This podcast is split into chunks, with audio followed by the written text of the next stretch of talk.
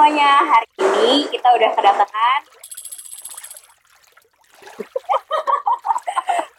Kak Wira Nurmansyah. Iya dulu deh nggak apa-apa. boleh deh. boleh boleh Apa nih manggilnya Kak, Mas, bebas boleh kakak mas boleh om juga boleh Kak aja deh ya. Kak aja deh. oke oke oke boleh boleh Jadi uh, Wira ini Hmm. pasti bagi kalian yang sering banget nonton YouTube dan suka banget traveling, tahu banget kan pasti kalau ini tuh kerjanya apa. Kan? Pasti suka nonton YouTube juga. Nah, hari ini kita mau wawancara Kak Wira supaya kalian tahu nih tips dan trik kalau misalnya kalian mau jalan-jalan ke Jepang. Jadi eh pertama-tama aku pengen tahu nih kan Ah. Kak Wira di YouTube-nya itu banyak banget video-video traveling. Dari videonya itu paling banyak ke Jepang kalau nggak salah kan ya. ya ada sekitar 630 Wow. enggak enggak enggak Serius. Udah seperti yellow pages bukan? Jadi itu Oke. kenapa tuh bisa sering banget ke Jepang tuh apa alasannya? kenapa senang Jepang gitu ya betul. Pertama itu karena Jepang itu kalau menurut aku paling gampang Mm-mm. buat kita untuk menikmati empat musim Oh wow. Mm-mm. Karena kan kita sebagai warga negara tropis ya dengan dua musim Mm-mm. musim panas dan musim panas sekali Oh. iya iya iya jauh-jauh nggak ya? jauh-jauh jadi kalau kita mau mau lihat musim uh, semi mau lihat bunga sakura atau mau musim gugur pengen daun-daun warna-warni itu paling gampang kalau mau ke Jepang Ke Jepang. karena pertama dia free visa Hah? untuk yang, yang untuk yang e-passport dan kayaknya emang paling deket sih ya Dari negara Indonesia. dari Indonesia. Iya. Ah, daripada ke Europe kan terlalu mahal terlalu jauh. Jepang kan kayak tengah-tengah dan mudah lah ya. Terus makanannya juga aku suka. Kebetulan cocok. Mungkin ada beberapa orang yang nggak suka makanan Jepang kayak sushi. Oh iya. Jadi sushi itu kayak kayak durian. Jadi kalau misalkan suka ya suka banget kalau enggak ya enggak. Gitu. Enggak. gitu. Kebetulan aku suka makanya suka suka banget Jepang. Terus yang ketiga itu mungkin orang-orangnya.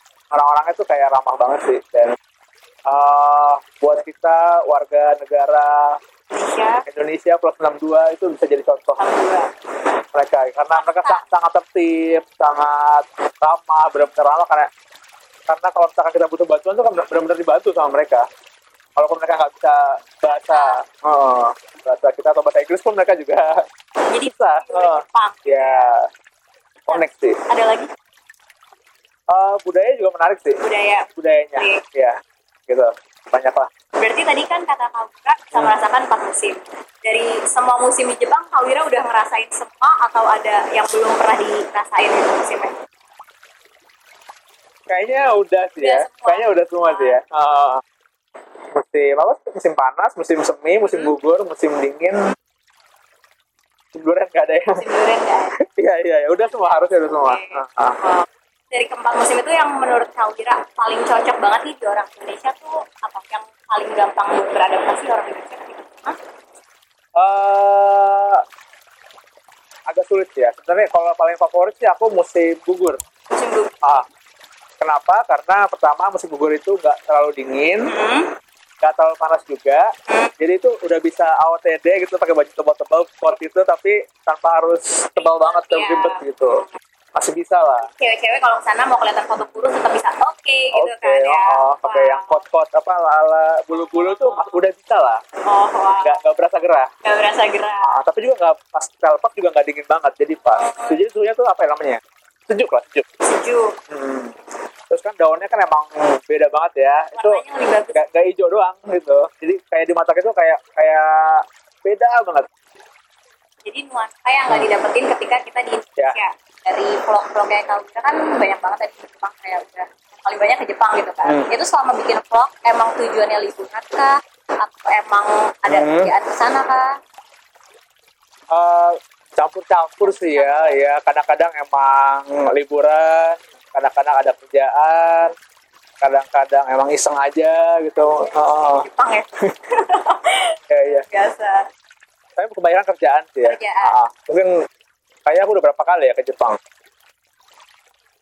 Eh, lumayan banyak sih ya mungkin lebih dari 10 kali jadi Segitu gitu. ya jadinya ya campur-campur cuman kalau li- liburan asli yang benar-benar pure liburan paling cuma tiga empat kali sih kayaknya Oh, oke. Berarti Karena emang kerjaan makanya Hmm. Kak Wira emang lebih sering ke Jepang. Terus ketika Kak Wira ke Jepang itu apa kan ini banyak banget nih spot-spot yang dikunjungi Kak Wira. Itu bikin rencana perjalanan kan perjalanan dulu sebelum ke sana Hmm. atau ketika di sana bebas aja lah ke mana gitu. Itu persiapan ketika Eh, dua-duanya sih. Jadi ah, dua- jadi kombinasi aja. Jadi eh, fleksibel aja. Kayak ada beberapa part yang harus kita rencanain Hmm. dan eh, dibuat fleksibel. Pertama kayak misalkan misalkan mau mau ke kota mana gitu kan itu bakal nentuin tuh kita misalkan perlu perlu JR Pass apa enggak. JR Pass tuh kayak semacam uh, tiket yang kita bisa naik ke semua kota di Jepang. Tapi yang cuman yang perusahaan JR itu macam kayak KAI-nya lah. Kalau perusahaan lain nggak bisa harus perusahaan JR cuman kalau kita mau naik Shinkansen itu naik JR Pass itu bakal murah banget sih nah itu kita tentuin tuh kalau JR Pass soalnya mahal juga kan. Jadi oh, oke. mau beli apa enggak tuh harus ditentuin dari awal. Timbangannya juga. Kalau kita beli di sana itu harganya jadi lebih mahal lagi. Oh. Jadi biasanya orang beli di Indonesia Hmm? sampai sana ditukerin dan langsung dipakai tuh jadi kalau bisa sih emang ditentuin paling enggak kotanya dulu mau ke mana ke mana ke mana. Oh jadi ketika kita udah di kota baru kita mikirin di sana mau ngapain. Iya kalau misalkan mau di Tokyo aja gitu Jarpas ya nggak perlu. Oh jadi harus tahu transport di setiap kotanya ya karena Jepang itu terkenal mahal jadi nggak bisa deh kita kayak tiba-tiba eh tiba-tiba mau ke sini nih. Hah? ya kalau punya duit sih nggak masalah tapi ini emang ya rumah satu mungkin di dunia five lah dia paling mahal ya. Paling mahal ya. Ya apalagi dengan kurs kita kan itu lumayan. Sih ah itu tipsnya ya. Jangan dirupiahin. Oh ya ah, ah, nangis. Berarti harus punya persiapan banyak banyak persiapan. Betul betul. Terus kalau buat rekomendasi tempat-tempat nih, Wira Hmm. lebih sering browsing atau dari teman atau gimana? Nemuin tempat-tempat itu. tempat-tempat ya banyak sih ya dari Instagram atau dari blog orang segala macam kalau tempat-tempat apa nih rekomendasinya? Hmm, rekomendasinya? hmm, tergantung sih kalian suka apa? Suka kuliner? Oh, mungkin bisa ke Kobe tuh cobain Kobe beef. Kobe beef tuh daging termahal di dunia yang kayak 200 gramnya bisa satu juta rupiah. Wow. yang katanya kalau pasti makan tuh bisa langsung lumer gitu meleleh. gitu kan. Terus atau kalau suka naik gunung bisa bisa naik naik gunung Fuji. Atau masuk kalau suka di kotanya bisa ke Tokyo oh biasanya kalau orang-orang first timer ke Jepang itu ke dua kota sih Tokyo dan Kyoto Tokyo itu kalau misalkan emang benar-benar kota metropolisnya lah itu kalau kebayangin Tokyo itu kayak ngebayangin kita lagi naik KRL yang penuh banget tuh di sesuatu nah itu Tokyo Cuma kalau kita tiba-tiba ngebayang kuil-kuil, ada hutan-hutan, hutan bambu, itu di Kyoto. Karena Kyoto itu kayak pusat budaya Jepang, kayak Jogjanya lah. Kalau Tokyo itu kayak Jakartanya. Baik banget ya pilihannya tergantung kitanya juga mau kayak Hmm. gimana nikmatin Banyak, liburan. banyak. Terus kalau misalnya kita baru nih mau ke sana, kira-kira tuh kita eh, enaknya berapa hari ya kita di Jepang? Ehm, Ada rekomendasi kah? kalau yang tadi ya, yang aku bilang tadi first timer Tokyo dan Kyoto, paling enggak tiap kota tiga hari lah. Tiga hari. Jadi seminggu lah ya. Seminggu udah ganti-ganti kota berarti tuh. Ya, ya seminggu dua, dua kota aja. Tiga hari, tiga hari satu kota. Jadi kan Tokyo tiga hari, Kyoto tiga hari. Sama perjalanan jadi seminggu tujuh hari lah seminggu. Berarti naik keretanya lumayan lama juga ya kalau Eh enggak, Tokyo ke Kyoto itu kayak berapa ya? Itu kayak Jakarta ke, ke Surabaya nggak nyampe, tapi antara Semarang sama Surabaya lah. Sekitar 500 kilometeran. 100 km. Itu kalau naik pesawat ah sejam setengah kalau nggak salah. Kalau naik kereta Shinkansen dua jam. Jadi nggak jauh beda, dua jam setengah. Berarti emang cepet. Kalau naik kereta lokal, kecepatan kereta api Indonesia bisa 9 jam, 10 jam. Kalau Shinkansen lebih cepetnya. Iya, cuma itu lebih mahal daripada pesawat. Oh iya. Ya, Lagi lagi berarti Benar. ya budget sama kita mau ke mananya bisa disesuaikan. Tadi kan Kak Wira sering banget nih ke Jepang kan dan pengalamannya udah banyak banget tentang Jepang. Nah kira nih, Kak Wira bisa nggak bahasa Jepang? Enggak. Langsung tegas enggak gitu. Ya tapi kalau dikit-dikit pasti ya, kalau buat survive di sana sih bisa ya. Berarti basic-basicnya aja. Kayak apa namanya? Kalau terima kasih, Arigato. arigato itu pinter banyak. Kalau apa namanya? Silakan, tuh kan? Silakan tuh apa? Irasemase. Ya, arigato. Kalau enak, oishi. Gitu kan. Kan kita lagi makan ramen tuh, kan misalkan chef depan kan, oishi. Tuh, dia pasti senang banget tuh. Oh, Yang tambah nasi biasanya tuh. oh iya. Itu gratis nasinya itu. Nah, kalau orang Jepang itu biasanya emang gitu kita makan ramen nih. Hah? Si abangnya lihat, oh masih ada kuah, masih ada kuahnya. Dikasih nasi. Dikasih nasi sama dia. Wow. Cocok lah orang Indonesia ke sana kan, kan. Iya, Dan iya. itu apa lagi Kak Wira yang bahasa Apa? Jepang yang Eh, udah itu aja. Kita kalau ke sana kan orang Jepang kan nggak bisa ngomong bahasa uh, di luar Jepang kan Hmm. itu biasanya gimana komunikasinya biasanya komunikasinya itu ya ya udah tunjuk aja. Oh tunjuk. Asal pakai bahasa bahasa tubuh. Oh kalbu dan tunjuk. Oh, oh. pernah aku nginep di rumah orang Jepang Hah? jadi kayak homestay gitu. Emang lokal banget. Itu bukan Tokyo kayak di kampung banget lah. Mhm. pokoknya masih di daerah Okayama itu masih naik mobil lagi tiga jam lagi itu. Eh jadi Inggris kan kalau di kota Tokyo ya pasti mereka Inggris bisa dikit-dikit loh walaupun dikit. Ini total nggak bisa nenek-nenek. Wow jadi ya pakai Google Translate setiap ngomong nenek ngomong ah gitu. Itu berarti teknik ya menyambungkan kita semua. Ya banget nggak tuh? Banget kan? Terus habis itu kalau di sana kalau Hmm. misalnya pernah nggak Kak Wira kayak bener-bener kayak ngomong terus dia salah nangkep gitu? Kayak sering kah kita jalan-jalan di sana atau? Ngomong salah nangkep? Uh, maksudnya dia salah Hmm. mengerti gitu. Enggak sih karena emang nggak ngerti aja. Ngerti aja. Gak pernah ngerti bisa bisa ya Kalau ada nyewa-nyewa translator gitu-gitu sebenarnya sih ketika kita pergi ngomong ke Jepang gitu maksudnya translator orang Iya Eh kalau guide Jepang sih banyak sebenarnya ya. Cuman itu lagi tergantung. Kalau misalkan emang kalian ikut tour, biasanya emang ada ada guide ada guide lokal yang bisa bahasa Inggris biasanya. Kalau ikut tour dari sana gitu. Atau emang turnya orang Indonesia apa tour guide-nya. Jadi kalau ah, kalau sewa translator aku juga kurang tahu sih kalau translator ya. ah. Tapi kalau biasa ikut paket tour biasanya dapat. Hmm. Terus habis itu pasti ada kan ketika pertama kali ke Jepang tuh momen apa yang dirasain pertama kali pengalaman pertama kali yang kamu Wira ke sana tuh Pengalaman yang aneh gitu.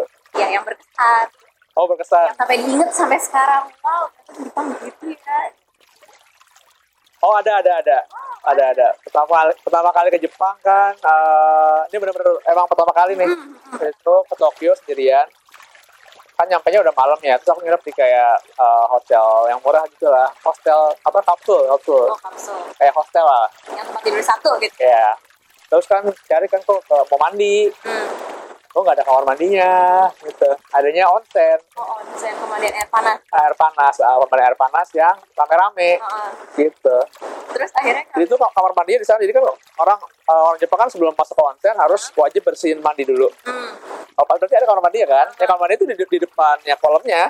oh Cuma ada jongkok, eh, kursi kecil, ada kaca, ada shower. Jadi mandi di situ. oh Rame-rame dah tuh. wow Itu eh, melihat benda-benda yang tidak ingin dilihat sih. oh iya iya iya makhluk makhluk Jadinya- gitu ya Agak-agak, aduh, ini nggak bisa diando apa ini ya yang tadi tuh. itu agak horor sih.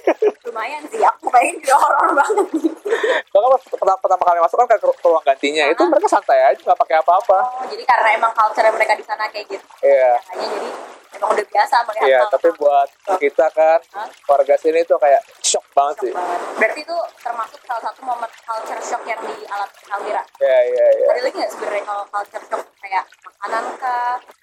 Atau Oh, mereka eh, apa ya? Toiletnya enak. Toiletnya ini jadi anget. jadi anak. Oh, pas duduk anget ini ya permukaan itunya. karena mungkin mereka pelin gitu. Wow, gitu. mungkin karena pas musim dingin kali ya.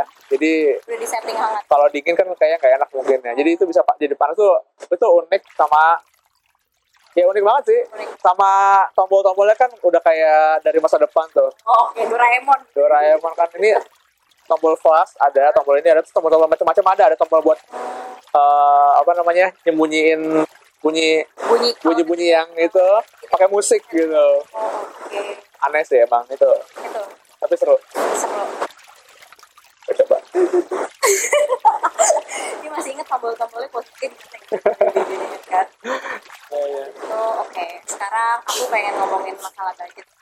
Kan kalau kita sebenarnya kalau kita mau sana kan kita mikirin budget tadi kan. Kalau Wira bilang katanya kalau Jepang harus nyiapin banyak uang gitu kan. Terus Kalau misalnya aku sebagai seorang backpacker gitu, kira-kira aku bisa spend berapa apa satuan uang itu berapa? Iya. Yen? Backpacker berarti semuanya gratisan ya. Eh, in budget. aku sih kayak pernah ngitung gitu kalau misalkan biar gampang jawabnya kayak kalau ada pertanyaan kayak gini ya. Terus sediain aja sehari satu juta. Sehari satu. Nah, di luar tiket ya. Nah, Itu aman. Itu pun nggak dapat hotelnya yang harus sharing ya ataupun hostel karena kayak hotel bintang tiga aja yang di sini kayak harganya tiga ratus ribu empat ratus ribu di Jepang bisa satu lima juta wow berarti mahal ya hostel kan misalkan hostel di sini bisa seratus ribu Hmm. sekarang hostel kayak tiga ratus lima ratus ribu dia misalkan pakai hostel yang lima ribu aja kan? Saya tinggal lima ratus. Iya sih berarti kali makan itu kayak ramen itu bisa kalau di rupiah empat puluh ribu. 150 itu yang bener-bener warung gitu ya. Ya kalau tiga kali makan udah udah mau juta kan? Iya sih. Belum jajan yang kayak kepengen ini lucu-lucu karena Jepang kan lucu-lucu semua. Gawat sih emang kalau suka belanja di Jepang tuh. Tahan-tahan. Bahaya. Heeh. kan di sana mau tujuh hari saya sediain tujuh juta itu normal ya maksudnya normal yang enak lah. Kalau di bawah itu bisa cuman ya di downgrade lagi. Berarti hotelnya yang hotelnya yang lebih murah. Makannya mungkin kalau pagi di onigiri yang sevel. Oh, oke. Yang cuman murah lah. Itu pun nggak murah juga sekali rupiah kayak empat puluh ribu tiga puluh ribu. Dan juga berarti mahal ya. Iya, nggak mahal. Buat, buat orang sana normal. Buat orang kita mahal. Ya misalkan kereta nih kita naik KRL sini ngecap kan tiga ribu lima ratus di sana tiga puluh ribu. Oh di sana tiga puluh ribu. Uh, sekitar dua puluh yen gitu lah ya tiga puluh ribuan luar biasa jangan makanya jangan, jangan dirupiahin Iya, iya, iya. ingat jangan tidak rupiah ya, oke? Terus habis itu kalau misalnya kita nggak mewah-mewahan nih, eh nggak murah-murah gitu kan, kayak kita emang pengen nyari liburan yang nggak mikirin uang gitu. Hmm. Sebenarnya tuh kira-kira direkomendasikan ke daerah mana? Uh, bisa daerah apa aja tapi kalau misalkan penginapan kalau misalkan budget tidak masalah tuh nginep di ryokan namanya Ryokan. ryokan ryokan apa Ryokan. ryokan bacanya ryokan tulisannya Uh, itu semacam hotel bintang 5 tapi dia gayanya tradisional Jepang tradisional gitu. ya jadi di kamarnya itu kayak gak ada tempat tidur jadi harus kayak kayak Nobita harus buka lemari digelar futon itu ya Namanya apa? itu tatami mah ininya ya? Yang makan ke bawah gitu. Eh, aku lupa nama ininya futon futon. Futon. futon. Kasurnya namanya futon. Terus dia ubinnya kayak anyaman-anyaman gitu kan tatami namanya dari anyaman. Jadi aromanya menarik. Bau bambu. bau bambu. Kayu gitu ya. terus ada yukata dalamnya. Di dalam itu kan kalau di lemari. kita bisa ganti. Oh, dan biasanya kalau ryokata ter- termasuk makan malam dan makan pagi. Makan malam dan dan itu makannya itu full course banget lah kayak semuanya wah gitu ya. kayak piringnya itu kecil-kecil ada berapa puluh gitu. Oh, makanannya kecil-kecil tapi banyak. Itu harganya ya lumayan sih kayak hotel bintang 5 huh? di sini tapi beberapa dikali beberapa kali lipat lah. Sampai puluhan juta berarti nyampe? Enggak sih kayak 5 dapat lah 5 jutaan per malam.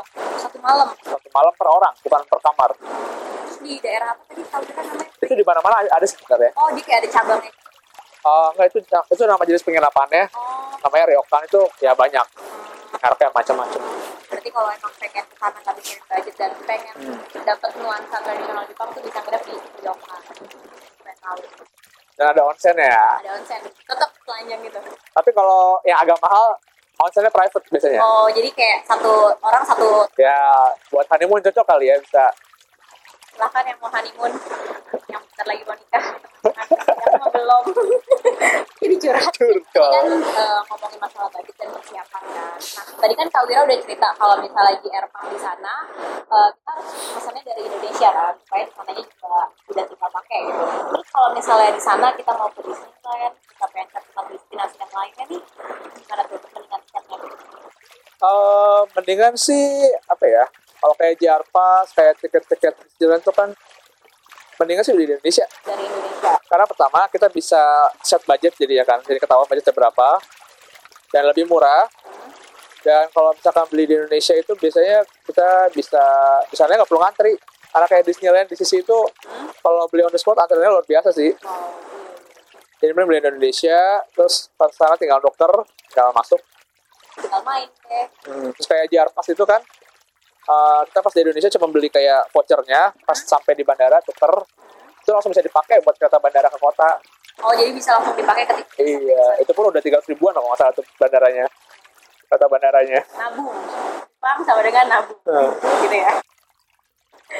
Habis itu kalau misalnya di sana kan tadi yang populer itu kan kayak Disneyland. Itu kan kayak terkenal banget. Sebenarnya di luar itu ada tempat wisata yang taman hiburan lain gitu kan saya yang kayak gitu oh, masih banyak sih sebenarnya bunyi dan orang ber sebenarnya kayak uh, Disneyland di sisi kan di Tokyo ya kalau agak keluar dikit tuh ada Legoland juga ada Legoland Legoland. Legoland kan dia terkenal mungkin kalau kita di Malaysia gitu. Legoland Jepang sebenarnya udah bagus. Ada terus ya itu doang sih kalau tamannya. Terus kalau di sana makanan kan kalau sushi kan emang rada susah. Terus kalau aku penasaran kalau orang Indonesia lidah yang paling aman tuh di sana selain ramen gitu-gitu bilang? Paling aman, Ah, paling aman sebenarnya selera sih ya. Cuman Jepang itu biasanya eh, mereka sangat menghargai cita rasa asli dari bahan makanan tersebut. Kayak kayak sushi itu ya ya udah ikan aja yang penting se-fresh mungkin kur dikit wasabi sama soy sauce makan. Jadi gak ngerusak rasa. Jadi mereka agak-agak ini sih buat orang-orang bawa saus bawa apa namanya yang bumbu cabai itu mungkin kalau itu orang Jepang mereka anggap itu sangat kayak menghin menggak sopan. Kalau kalau orang kita mungkin masih dimaklumi sama mereka ya. Cuma kalau mereka tuh kalau merusak cita rasa makanan itu nggak sopan. Apalagi kalau dilihat sama chefnya gitu ya kan di Jepang banyak banget kan yang tempat makannya sama chefnya depannya gitu kan. Hmm, itu berarti kayak harus hati-hati juga maksudnya kayak jaga Iya. santun ketika kita di sana atau ketika makan ramen itu harus di celup harus ada suaranya Iya, itu itu tandanya bukan nggak sopan, itu malah menghargai si chef. Berarti si ramen ini enak, gitu. balik justru Malah kebalik. banyak banget kayak persiapan ketika eh ketika kita ke Jepang tuh kayak budget culture mereka di sana itu kayak gimana kita harus belajar gitu. Nah, terus habis ini aku pengen tahu nih kalau misalnya kita pengen backpackeran ke Jepang sendirian itu persiapan apa aja yang harus kita siapin Kalau backpacker sendirian, yang pertama harus siapin adalah uangnya didobel. kita uang nomor satu oh iya, kita nggak bisa sharing kamar, nggak bisa cari makanan, gitu kan. Jadi yang pertama adalah uangnya didobelin. Kali dua aja. Terus habis itu kalau masalah keamanan, kayaknya kalau menurutku ya Jepang itu salah satu, salah satu negara paling aman di dunia. paling aman Jadi nggak usah takut mau keluar malam-malam sendirian itu nggak masalah sih. Ini tenang aja, nyaman lah nyaman nyaman.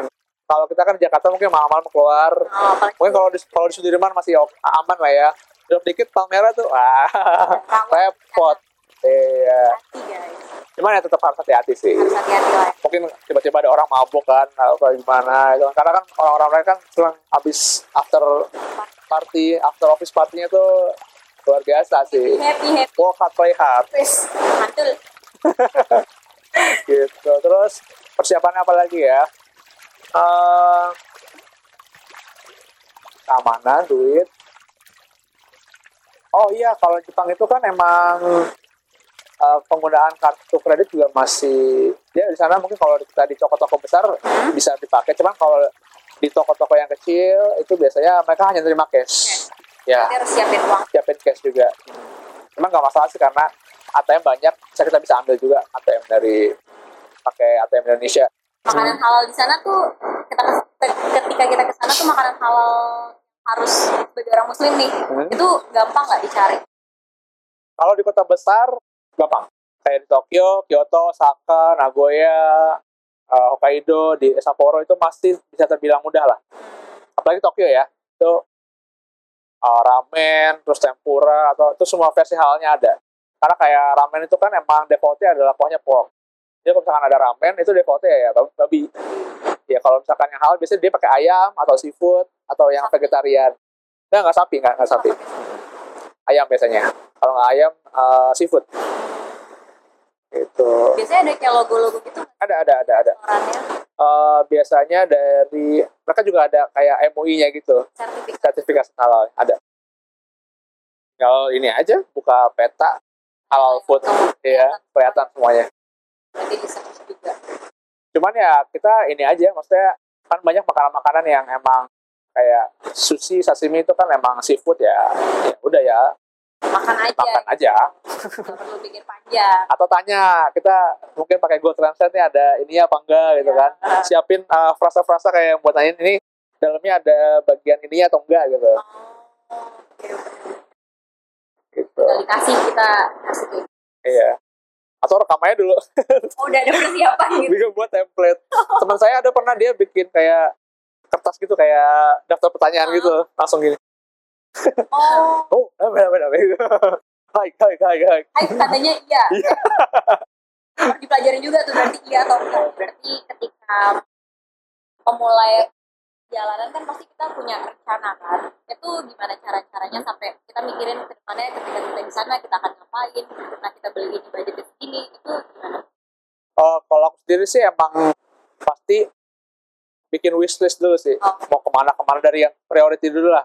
Misalkan aku pengen naik Tokyo Tower, itu nomor satu. Dibikin maksudnya eh, tujuan utamanya, jangan cuman ah asal tiket promo murah beli, tak sana bingung gitu kan. Jadi kalau misalkan emang nggak pengen ke Jepang ya nggak usah dibeli, gitu, walaupun murah. Hmm.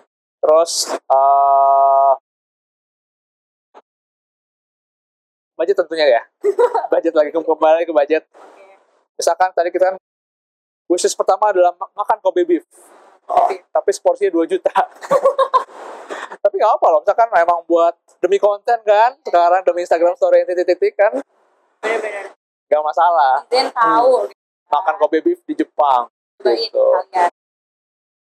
hari lima harinya makan on- onigiri. Sampai pulang. sampai pulang. Itu sih intinya yang paling pengen dulu Hah? dibikin top priority terus di breakdown aja. Misalkan tadi kan oh Tokyo tiga hari Osaka dua hari Kyoto tiga hari. Tokyo mau ngapain aja hari pertama mau ngapain aja gitu gitu sih. Oh, berarti itu udah di big estimasi perjalanan tiap destinasi gitu kah atau iya iya. Karena kan transportasinya kita harus fix ya. Maksudnya kan mahal nih. Saya kalau tiba-tiba di cancel itu kan. Apalagi tiba-tiba ketinggalan kereta. Nyesek banget itu ya. Besok gitu. Lumayan. Mahal banget soalnya ya. Berarti kalau kayak gitu kita kalau mau ngeliat jadwal kedatangan kita tuh bisa lihat di mana kamera Google banyak. Google ada iya iya. Terus kalau misalnya kita udah breakdown kayak gitu Hmm. untuk bikin itinerary-nya biasanya kamera kayak gimana eh biasanya sih cari tempat ini aja. Misalkan yang tadi Tokyo Tower nih Hmm. itu wishlist pertama kita. Terus cari biasanya aku cari yang area terdekatnya aja Oh. yang surroundingnya. Jadi ya nggak perlu jauh-jauh banget itu. Jadi hari pertama hari dua hari ketiga ya jangan jauh-jauh dari daripada main destination kita. Oh. Misalkan hari kedua destinationnya adalah Tsukiji Fish Market. Main main destinationnya. Habis itu aku bakal cari yang sekitar situ yang yang mungkin yang walkable distance lah di, masih bisa dijangkau ya atau cuma dua tiga stop dari kereta gitu. kalau yang jauh-jauh ya buat besoknya lagi aja buat area sana berarti kalau dalam satu hari direkomendasikan untuk mengunjungi tempat-tempat yang masih bisa dijangkau dari tujuan awal kita Hmm. gitu karena menghemat budget Hah? dan menghemat Tuh, tenaga menghemat waktu. Dari sekian banyak makanan Jepang. Tadi kan kamera udah cerita ada beef, ada sushi. Itu makanan yang kayak terunik dan kayak cuma ada di Jepang tuh apa kamera? Eh, oh ini apa? Eh, sashimi juga. Cuman ikannya ikannya agak spesial. Ikan apa tuh? Kalau di Jepang disebutnya fugu. Fugu. Bahasa Indonesia ikan buntal. Oh jadi ikan yang kayak di Finding Nemo tuh yang bisa yang gede gitu kan. Eh, dan itu terkenal sangat beracun. Oke jadi harus hati-hati. Banget. Dan chefnya yang bisa motong itu harus sertifikasi sendiri beda. Dan gak banyak restorannya. Langka berarti ya? Dan cukup mahal juga sih. Kawira pernah coba? Pernah coba. Itu rasanya kayak gimana Kawira ya pasti coba sih ya ngeri-ngeri sedap sih ya nih. Ngeri sudah antara hidup dan untung mati. udah beli asuransi sih ya udah. Aman lah ya. Ah, coba ya ternyata kayak sashimi biasa dia cuma sensasinya sih pas dia motong pas ini kayak emang oh jadi kita kayak ngeliat langsung iya iya iya iya iya. Ya harus hati-hati itu sih livernya nggak boleh pecah karena itu bagian racun paling tingginya. Terus pasti dia eh, nyajiin sashimi nyajiin versi tempura nyajiin versi apalagi lah yang di teriyaki lah. Pas digoreng sih kayak ayam ternyata. Oh, iya. unik sih. Jadi ikan tapi rasanya teksturnya tebal kayak ayam. Kayak ayam ketika diolah digoreng kayak Hmm. gitu. Makanan ekstrim lainnya ini sebenarnya kalau buat orang Jepang nggak ekstrim sih ya natto. Natto oh aku pernah lihat. Natto itu Gitu-gitu. ya eh, itu sebenarnya sehat banget sih. Itu kayak fermentasi da- eh, dari kacang kacang kedelai atau kacang apa ya itu sangat baik buat sarapan bisa biasanya dicampur eh, nasi Hah? campur natto itu yang kacang kacang-kacang berlendir itu campur telur mentah Terus cara makan diaduk aja makan aja itu sarapan tradisional Jepang itu sehat unik juga ya. cuma rasanya agak unik aja Rasanya gimana? Ada bau-bau apa? Ah, pokoknya creamy lah Creamy. melting in mouth in the mouth itu Karena ada telurnya juga. ada ya. telurnya sama agak-agak Nempel gitu. ya ya Bisa lah dibayar. Rasanya. Sehat. Terus habis itu ada lagi kah rekomendasi eh makanan-makanan yang ekstrim gitu? banyak sih ya daging kuda ada Juga. sashimi kuda sashimi daging kuda Oh iya, kalau nggak salah sih tapi aku nggak pernah sih berurat gak sih dari juga? berotot Oh berotot ya. Berurat dan berotot beda guys. ya Gak pernah kan? nggak nggak nggak Kalau minuman gak ada yang unik gitu. minuman yang unik SS gitu, khas Jepang, apa ya standar. standar lah ya sake paling tapi nggak pernah nyobain juga mabuk-mabuk Mabu-mabu. Jadi perjalanan Jepang, ketika kita pulang ke lagi ke Indonesia tuh, Hmm. apa ada penyesuaian lagi? Nah, atau gimana? Soalnya kan jamnya pasti beda. oh kalau Jepang sih nggak terlalu sih ya Oh, nggak karena dia kan sama kayak WIT Oh, waktu Indonesia bagian timur timur. Itu Hmm. kayak gimana? cuman dua jam lebih cepat aja Oh. jadi paling bangunnya lebih pagi Jadi nggak ada penyesuaian yang harus gimana? Enggak, malah bagus malah enak dari Jepang biasanya kita bangun pagi Oh, jadi terlatih lebih Iya. pagi ya. Nggak bangun jam- bangunnya biasanya jam jam 4 jadinya jam setengah jam 3 Biasanya perjalanan dari Jepang ke Indonesia tuh berapa lama? Tujuh. Tujuh jam. Ah. jadi biasanya orang kalau mepet waktunya ambil flight yang malam. Hmm, biar sampai sana sampai pagi pas jalan-jalan. Berarti itu lagi kalau mau ke Jepang harus pilih flight yang malam. Ya. biar sampai sana kita bisa main. Pesawat kita bobo gitu deh. Nah kan kalau kita kenal nih Jepang itu adalah negara yang sangat-sangat orangnya tuh pekerja keras banget. Nah sama Kawira di sana tuh pernah nggak sih kayak menemukan fakta yang bener-bener kayak oh iya bener-bener orang Jepang pekerja keras banget sampai segininya gitu Ah, mungkin kalau kita agak malam ya agak pagi sebenarnya sih malam agak pagi. Kita iseng jalan-jalan keluar itu ya banyak sih orang yang tertidur di trotoar di kereta. Bahkan waktu udah pagi itu dia masih tiduran di kereta. Tidurannya bukan di kursi bukan apa ya di lantai. iya di pintu ya. Oh. nggak tahu sih dia mau habis happy happy atau habis stres di kerjaan tapi eh, ya begitu. Bahkan ada sebuah akun Instagram yang isinya orang-orang itu. Aku lupa nama akunnya. Adalah pokoknya isinya orang-orang. Yang ketiduran. Kecapean. Kecapean. Berarti itu baru adanya ketika malam menuju dini, dini hari lah ya? hari iya iya. Ya kalau masih malam masih party pagi terus mbak. Terus kan kalau misalnya kita sebagai orang Indonesia kita ke sana nih. Nah kita kan pasti bawa gaya hidup kita ke sana lah.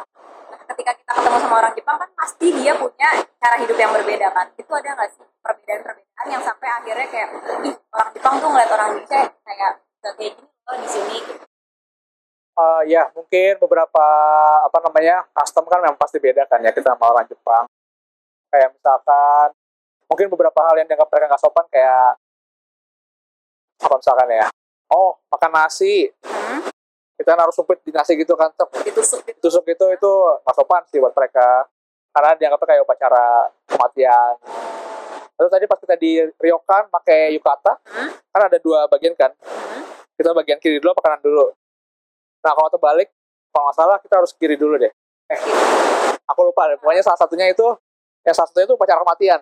Oh jadi kematian lagi simbol yang atau lagi buat normal. Oh, gitu. Itu kalau biasanya dibenerin sama mereka damai damai damai damai oh tapi mereka Gitu. baik juga ya kayak ngasih tahu. Masih tahu biasanya.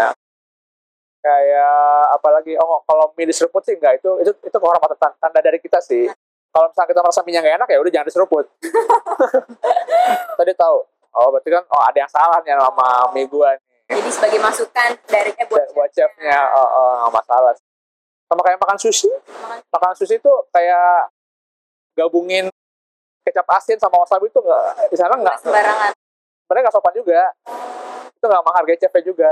Jadi tata caranya biasanya dipisah dipisah. Biasanya wasabi dulu colek baru dikit ininya. Ada caranya juga lah. Mereka sangat menghargai ini ya maksudnya kayak kayak minum teh aja ada upacara udah ada Iya. upacara estetika. Estetiknya sangat. Karena ya mereka kayak kalau di Jepang itu kayak fashion itu ya mereka kayak kiblatnya agak-agak ke Eropa gitu sih. Jadi kayak fashion show lah kalau di Tokyo gitu. Mungkin kayak kita merasa jadi paling dekil gitu kalau kita di Tokyo. Jadi harus biar banget. oh make upnya luar biasa. Fashionable fashion fashion. Fashion, fashion. fashionable. Dan mereka suka sukanya warna itu yang kayak hitam kayak pastel-pastel gitu loh. Yang ngejreng jarang banget. Jadi warna-warna yang soft atau yang soft gitu. Monokrom monokrom. Jadi kalau kita ke Tokyo itu gedungnya juga monokrom biasanya. Nggak nggak tahu aku nggak tahu ini peraturan pemerintah atau enggak. Nggak ada gedung yang ngejreng warna tiba-tiba warna hijau warna apa. Rata-rata warnanya pastel coklat atau abu-abu gitu. Oh, warna-warna kalem lah ya. Dan mereka juga orang-orang pakai jas hitam semua jadi berarti ya rapi aja. Kayak senada senada semua. Masih bagus banget.